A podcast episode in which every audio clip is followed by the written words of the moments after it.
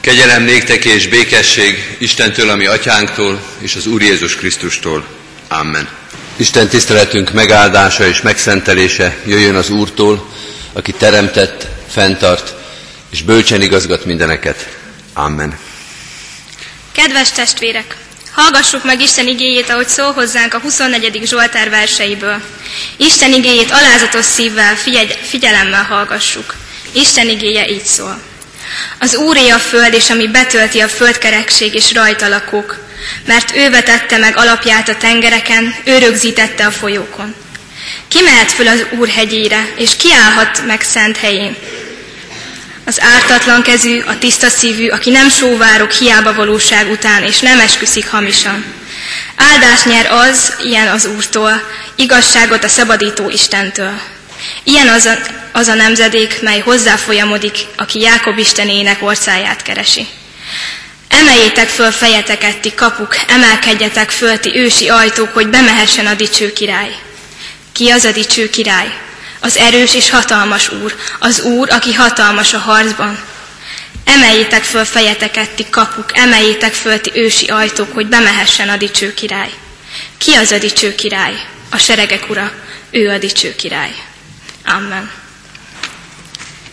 Isten szent lelket egy áldássá szívünkben az igét, és adja, hogy annak ne csak hallgatói, hanem befogadói és megtartói is lehessünk. Amen. Hajtsuk meg a fejünket imádságra. Urunk, valóban Te vagy ennek a teremtett világnak, és bennem életünknek is a királya és uralkodója.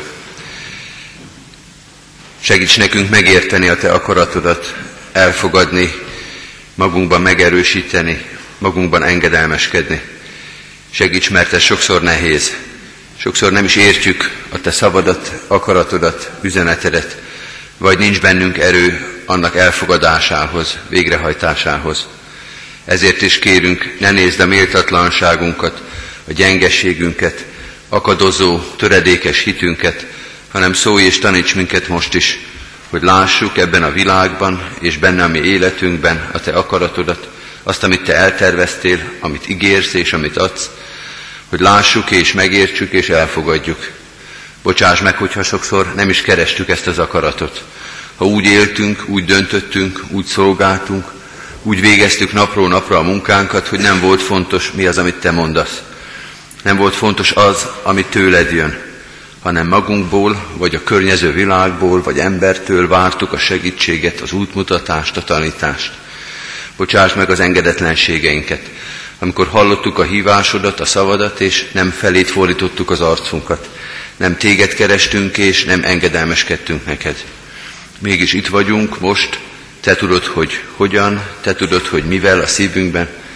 Kérünk téged, válaszolj a kérdéseinkre, válaszolj az életünkre, vigasztalj és erősíts, bátoríts, indíts szolgálatra, türelemre, szeretetre, megértésre. A te igéd és a te lelked legyen a mi vezérlőnk.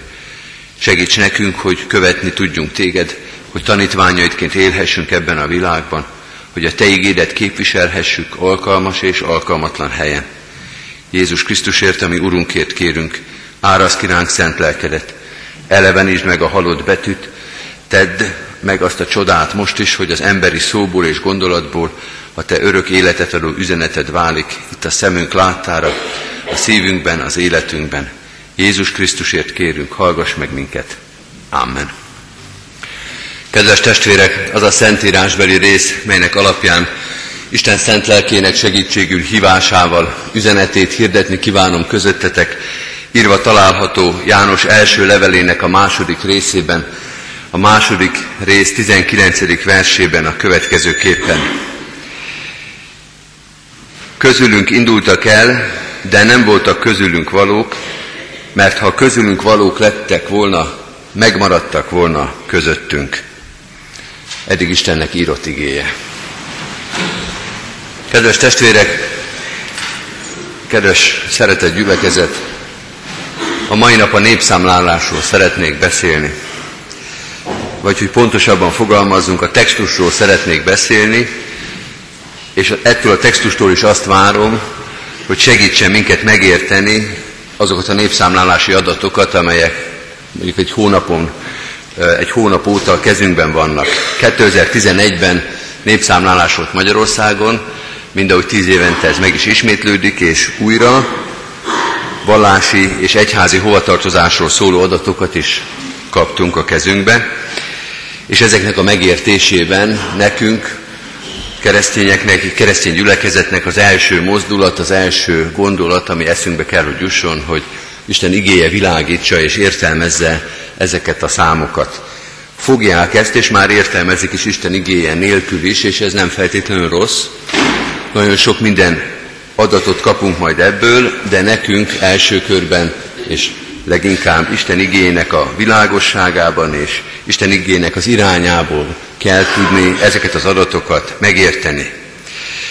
Ha Isten engedélyes élünk, akkor a mai és a jövő heti igehirdetés is ebben a témakörben fog majd elhangzani itt a 9 órás Isten tiszteleten. 2011-es népszámlálási adatok vallási hova tartozásra nézve. Nagyon sok ilyen adat van, és nagyon sok mindent ki lehet belőlük olvasni. Csak egészen vázlatosan négy szempontot szeretnék fölvillantani. Kecskemétre vonatkozóan 2001 és 2011 között változott a magukat reformátusnak vallók száma, még ha a föltett kérdés a két évben különbözött is, nagyjából azt lehet mondani, hogy 2001-ben 14.976 ember vallotta magát reformátusnak, 2011-ben pedig, tehát 10 év múlva 11.390. A fogyás 3.586 fő, az 24 százalék. Egy másik adat, a magukat egyházhoz tartozóak között a reformátusok aránya 13,8%-ról, bocsánat, a városi adatokat mondom, akik a városban, Kecskemétben, Kecskeméten reformátusnak vallották magukat, azoknak az aránya 10 év alatt 13,8%-ról 10,2%-ra csökkent. A harmadik adat, amivel az előbb belekaptam, hogy azok között, akik valamilyen egyházhoz tartozónak tartják magukat, tehát a közel 110 ezer kecskeméti polgár közül azok, akik vallásosnak tartják magukat, egyházhoz kötődnek, ezeken belül a reformátusok aránya 18,5%-ról 19,2%-ra növekedett. És egy harmadik adat, azokról, akik elmentek, akik 2001-ben még reformátusnak vallották magukat, és 2011-ben pedig nem, azoknak egy kis része csatlakozott más egyházhoz és közösséghez, egy picivel nagyobb része csatlakozott azok közé, akik nem tartoznak valamilyen egyházhoz vagy felekezethez, de a meghatározó nagy részük azt a megoldást választotta, hogy nem válaszol erre a kérdésre. Nem mondta, hogy nem, nem egyháztag, nem mondta, hogy nem tartozik sehova, hanem azt mondta, hogy ezt a kérdést megválaszolatlan akarja hagyni.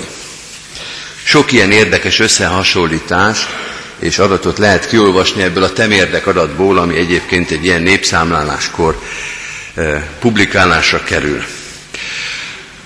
A számoknál, amelyeket felsoroltam, és amelyeket még lehetne sorolni, már csak az az ige elgondolkoztatóbb, amelynek a világosságában és üzenete mellett szeretnénk megérteni például a 2001-es népszámlálási adatokat is. János első levelének a második versében van ez a szép, elég keményen, de szépen megfogalmazott vers. Most engedjétek meg, hogy Kányádi Sándornak a fordításában mondjam el, vagy olvassam föl. Ő egy versében fölhasználja ezt az igét. Ő így fordítja, hogy akik elmentek közülünk, nem voltak közülünk valók, mert ha közülünk valók lettek volna, nem mentek volna el. Az elmenőkről szól ez az ige, a fogyatkozásról, de segít minket abban, hogy kitágítsuk a képet, és ne csak kecskeméti viszonylatban arról a 3500 emberről beszéljünk, akik tíz év alatt kimozdultak, kifelé léptek a református egyházból, a református kötődésből, hanem tágabb, szélesebb értelemben is értelmezzük a számokat.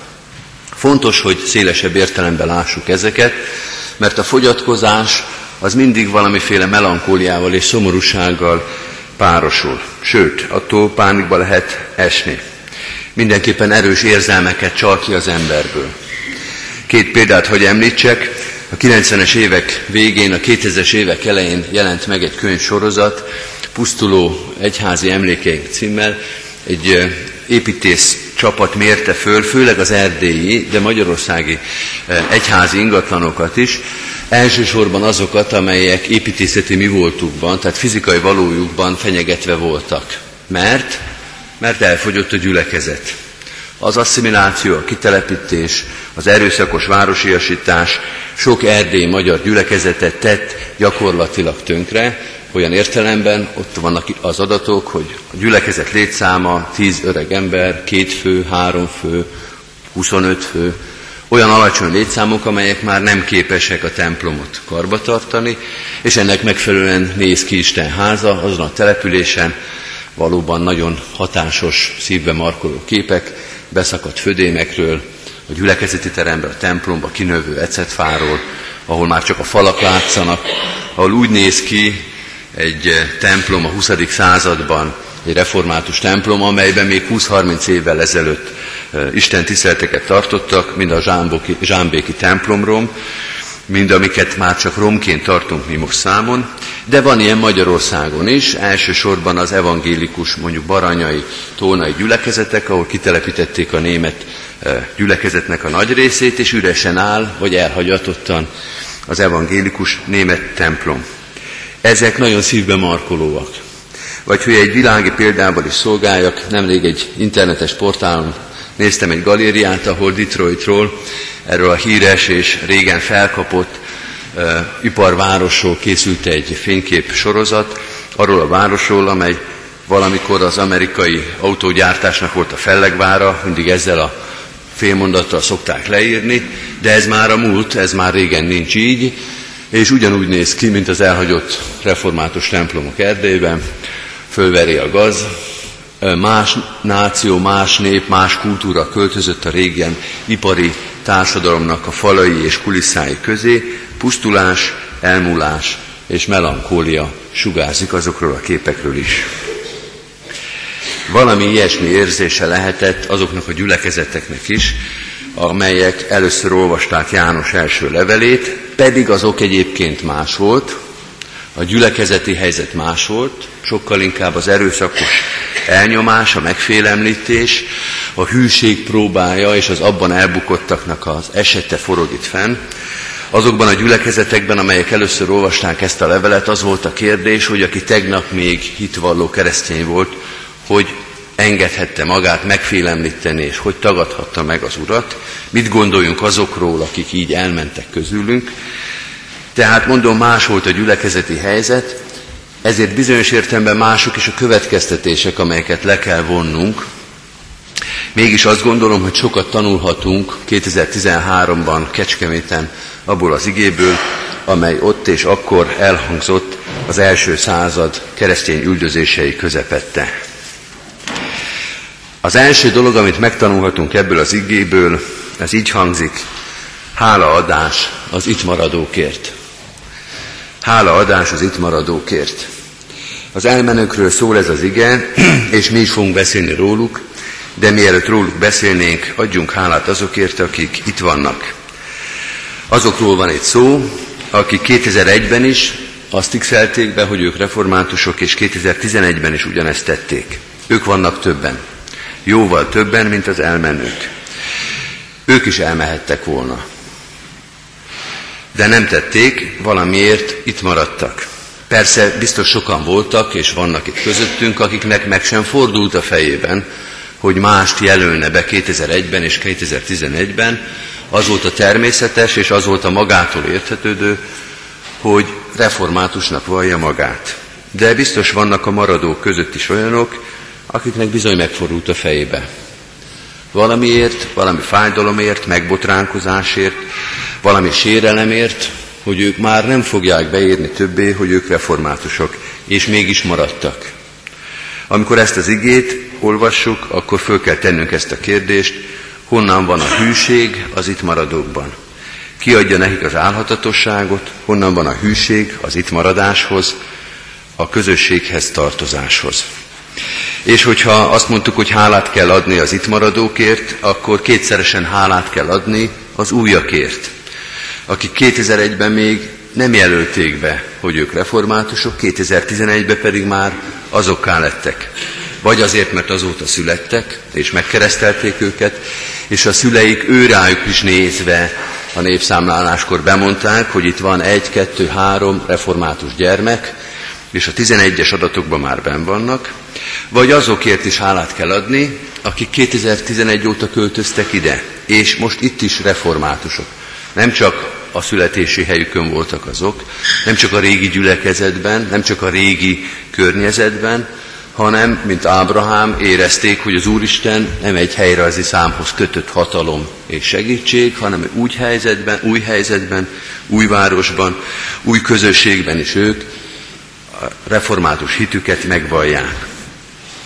És voltak olyanok is, akik 2001-ben nem jelölték be, hogy ők reformátusok, 2011-ben pedig igen, pedig itt voltak 2001-ben is.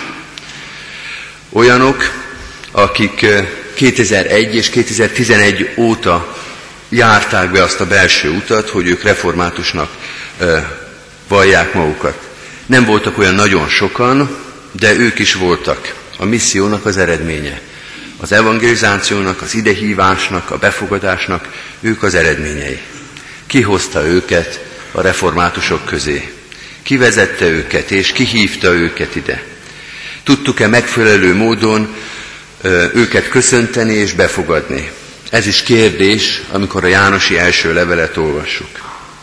Kedves testvérek, olyan gyülekezet vagyunk, amely iskolát is tart fenn, sok gyerek és sok család csatlakozik ehhez a közösséghez az iskolánkon keresztül. És gyakori kérdés, jogosan, hogy hol vannak ezek a családok, hol vannak az iskolák eredményei, hol vannak ezek a gyermekek. Valóban kérdés, és fontos kérdés, de fontos észrevenni azokat, akik itt vannak, akik éppen az iskolákon keresztül lettek, nem csak iskolai tagokká, diákokká, hanem reformátusokká, akik itt vannak a gyülekezetben, akik itt vannak a szolgálók között, akik az iskolánkon keresztül a gyülekezet szolgáló közösségébe is beléptek, és itt dolgoznak, és szolgálnak, és vállalnak felelősséget. Az első gondolat tehát mindenféle értelemben így hangzott hálaadás az itt lévőkért, az itt maradókért. A második gondolat hasonlóan kezdődik, hálaadás az elmenőkért. Ez nem nyelvbotlás és végképp nem cinizmus. Ez alatt a mondat alatt azokra gondolok, akik 2001-ben még itt voltak, és 2011-ben már nem voltak velünk. Vagy azért, mert elköltöztek, más városban, más településen, más környezetben élik az életüket, vagy azért nincsenek már itt, mert eltemettük őket. De addig, például 2001-ben is, együtt szolgáltunk, együtt imádkoztunk, és együtt urvacsoráztunk velük, és hogyha rájuk gondolunk, akkor messze nem a vád vagy a keserűség jut az eszünkbe, hanem a hála, hogy milyen jó volt, hogy ők itt lehettek, hogy itt szolgáltak, hogy tartották, erősítették ezt a gyülekezetet, vagy ennek a városnak a reformátusságát. 2001-ben én még nem Kecskeméten szolgáltam, úgyhogy ennél a pontnál, ennél a gondolatnál én az előző gyülekezetem tagjira gondolok, szomódi reformátusokra, konkrét nevekre, arcokra és együtt elvégzett szolgálatokra, hosszan tudnám őket sorolni, mind ahogy nyilván a kecskemétiek is tudnák mondani azokat a neveket, azokat az embereket, azokat a szolgálatokat, amelyeket azokkal végeztek, és azok végezték, akik 2001-ben még itt voltak, és 2011-ben már nem kerültek be a statisztikába. És én is, és a Kecskeméti gyülekezet is hálával gondolhatunk rájuk.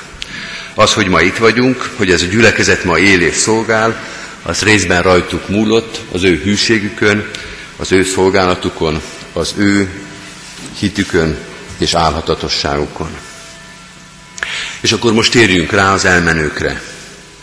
Azokra, akikről konkrétabban szól János első levelének az idézett verse.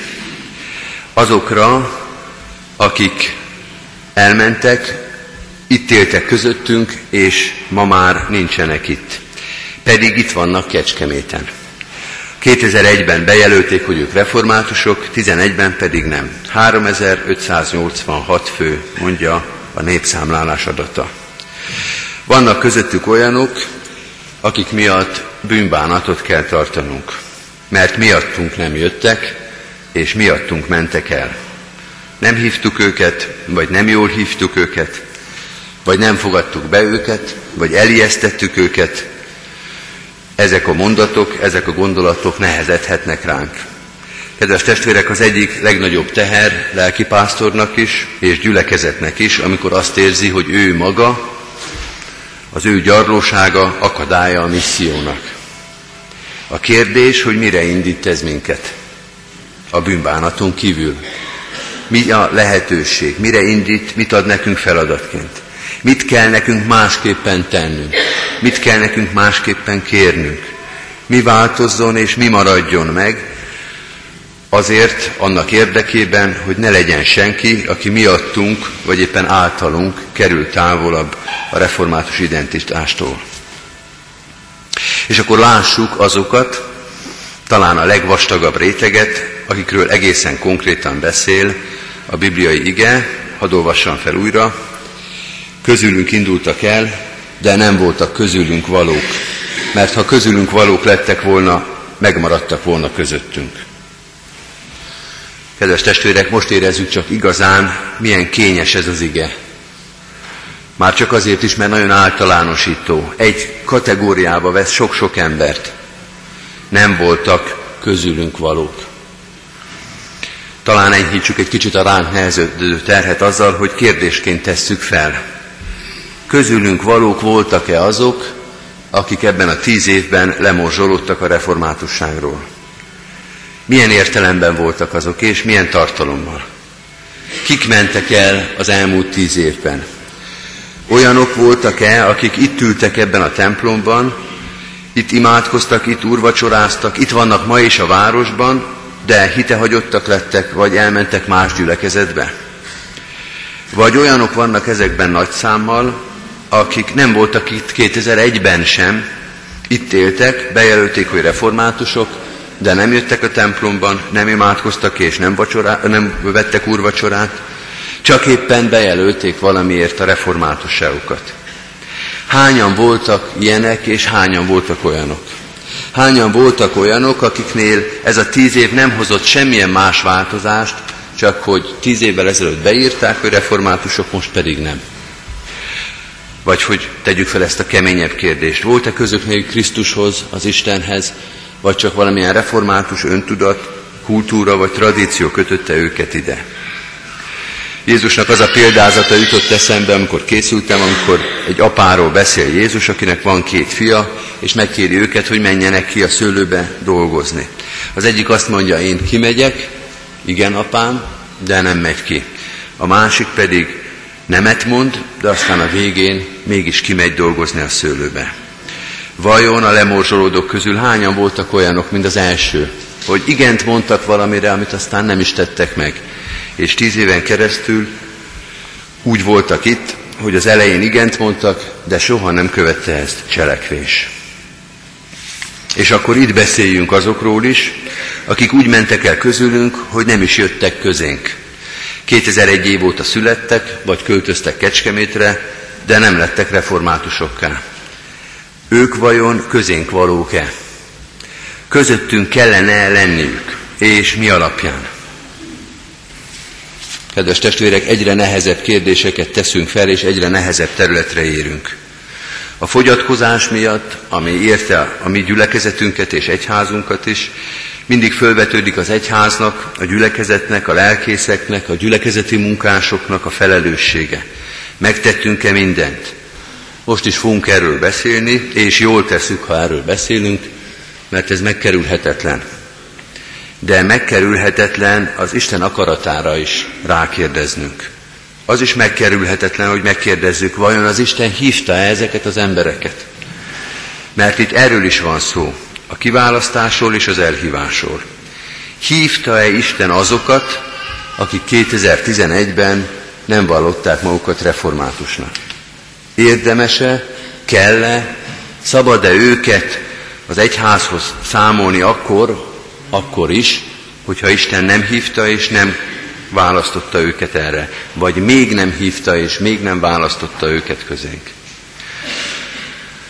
Ha van közöttünk itt most statisztikus szakember, akkor biztos ingatja a fejét, és azt mondja, hogy ilyen kérdés nincsen.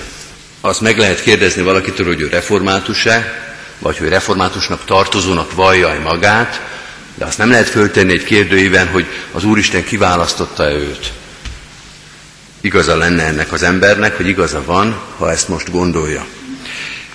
De kedves testvérek, nekünk az egyházban ez a kérdés mégsem mellékes, és mégsem megkerülhető.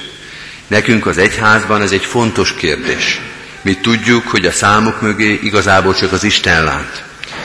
Mi is sok mindent megértünk, mi is sok mindent megtudunk majd ezekből a számokból. Sok jó adat van benne, nem túlzás azt mondani, ajándékként kapják az egyházak ezeket az adatsorokat. De kedves testvérek, nekünk az egyházban csak és kizárólag az Istennel együtt kell és lehet megérteni ezeket. Istent kérjük, elevenítse meg a halott betűt, és most azt kérjük, elevenítse meg a halott számokat is. Ő változtasson rajta, hogyha akar. Ő hívja közénk azokat, akiket kiválasztott. Ő legyen az, aki nem engedi, hogy nélküle hívjunk és nélküle számoljunk. Ő adjon alkalmasságot a szolgálathoz és a megtartáshoz, ő adjon új missziói le- lehetőségeket, módszereket és hűséget a régi szolgálatok megtartásában. Kedves testvérek, sok hasznos dolgot tehetnek nekünk a népszámlálási adatok, de a legtöbb, amit tehetnek, hogy Istenhez fordítják a tekintetünket. Amen. Menjél, atyánk, te, aki az egyháznak is, a világnak is ura vagy, aki kezedben tartasz mindent és mindenkit, mutasd meg a hatalmadat és bölcsességedet ebben a világban, hogy a körülöttünk történő dolgokat és a közöttünk történő dolgokat is a Te igéd értelmezze és helyezze igazi világosságban. Köszönjük, hogy egyházunk sorsát, gyülekezetünk vagy városunk sorsát és mind-mind a Te kezedbe tehetjük le, ott tudjuk a legjobb helyen, a legbiztonságosabb, a legvédettebb helyen azt. Köszönjük, hogy hozzád fordulhatunk. Kérünk, hogy a kérdésekre, amelyeket föltesznek nekünk, vagy amit mi teszünk fel magunknak, a Te igéd alapján tudjunk válaszolni. Mutasd meg a Te hatalmadat, segítségedet, hűségedet az életünkben, a szolgálatunkban. Adj a kérdéseinkre választ. Akkor is, hogyha azáltal és azok alapján hiával találtatunk ha rámutat a gyengeségeinkre. De mutasd meg a gyümölcsöket is, az eredményeket, a te áldásaidat. Ne engedd, hogy hála, hálaadás nélkül tudjunk elmenni ezek mellett. Köszönjük, hogy mindent veled együtt tudunk értelmezni. Segíts ebben akkor is, hogyha a válaszok esetleg késnek, ha türelemre intesz minket, hogyha próbára teszed sokszor az álhatatosságunkat, hogyha meg kell próbálnunk meg kell ismernünk a türelemnek, a megértésnek a korlátait. Segíts nekünk, hogy egész életünket, benne gyülekezetünk életét is így tudjuk látni. Hálát adunk az itt maradókért, hálát adunk azokért, akik azóta jöttek, hálát adunk őszinte szívvel azokért, akik itt voltak, szolgáltak téged és ezt a gyülekezetet is, és ma már nálad vannak. Köszönjük a te hűségedet, hogy újra és újra embereket, szolgatásokat állítasz be a te szolgálatodba. Köszönjük a tőlük kapott és tanult hűséget és állhatatosságot. Rád bízzuk gyülekezetünket, jelenét és jövőjét. Tudjuk, hogy a te hatalmad mindenek felett való, te megtarthatsz, erősíthetsz, építhetsz minket. Számban is, lélekben is, szolgálatban is. Kérünk is téged, légy kegyelmes és irgalmas a te közösségedhez, egyházadhoz, az itteni közösségekhez és gyülekezetekhez, az egész kereszténységhez szerte a világban. Imádkozunk most a mi gyülekezetünkért, annak minden tagjáért. Elsősorban is imádkozunk a gyászolókért. Sokak vannak ma is, akiknek a szívében szomorúság és gyász van, akik koporsó mellett kellett, hogy megálljanak. Urunk, te lásd meg a fájdalmukat, légy velük a szomorúság és a gyász óráiban, vigasztald és erősítsd őket. Imádkozunk a betegeinkért, a kórházban lévőkért, családtagjaikért, ebben a próbatételben, ebben a szorongásban, félelemben, ebben a bizonytalanságban, te légy az a biztos erő és pont, amely erőt ad nekik. Te légy az, aki ott ülsz a kórházi ágyon, aki fogod a kezünket a műtőben, aki kísérsz minket ezekben a nehéz utakban, vigasztaló szereteteddel és kegyelmeddel erősítsd az erre rászorulókat. Könyörgünk a magányosokért, idős testvéreinkért, a megfáradtakért. Imádkozunk azokért, akiknek a szívében fájdalom vagy szomorúság vagy szorongás van. Te, aki minden gondunkat ismered, hordozd fájdalmainkat, viseld a betegségeinket, légy nekünk támaszunk az erőtlenségben. Könyörgünk a gyülekezet szolgálatáért is, az erősekért is, akik szolgálatot tudnak vállalni. Adj a szolgálat mellé mindig engedelmes és alázatos szívet is. Mutasd meg, hogy milyen területeken, milyen közösségek, milyen emberek felé kell szolgálatot fölvennünk. Te adj nekünk lehetőséget, bátorságot, új ötleteket az új szolgálatokhoz. Rád bízzuk egész gyülekezetünket, minden szolgálatát, minden tagját, könyörgünk a városunkért, amelyben élünk, imádkozunk országunkért és nemzetünkért, a körülöttünk élő népekért, az egész emberiségért. A te kezedben van minden hatalom, tőle jöjjön a békesség, a szeretet, a megértés, és leginkább a Krisztus ismeret. Jézus Krisztus érte világuráért kérünk, tarts meg minket szeretetedben és kegyelmedben. Amen. Most vigyük egyen-egyenként is Isten elé imádságainkat. Amen. Fennállva és együtt mondjuk el az Úrtól tanult imádságot. Mi, Atyánk, aki a mennyekben vagy, szenteltessék meg a Te neved. Jöjjön el a Te országod. Legyen meg a Te akaratod, amint a mennyben, úgy a földön is. Minden napi kenyerünket add meg nékünk ma, és bocsásd meg védkeinket, miképpen mi is megbocsátunk az ellenünk védkezőknek. És ne vigy minket kísértésbe, de szabadíts meg a gonosztól, mert tiéd az ország, a hatalom és a dicsőség mind örökké. Amen. Hirdetem az adakozás lehetőségét, hálával áldozzál az Úrnak, és teljesítsd a felségesnek tett fogadásidat. Mindezek után Istennek népe áldjon meg tégedet az Úr, és őrizzen meg tégedet. Világosítsa meg az Úr az ő orcáját te rajtad, és könyörüljön te rajtad. Fordítsa az Úr az ő orcáját te reád, és adjon békességet néked. Amen.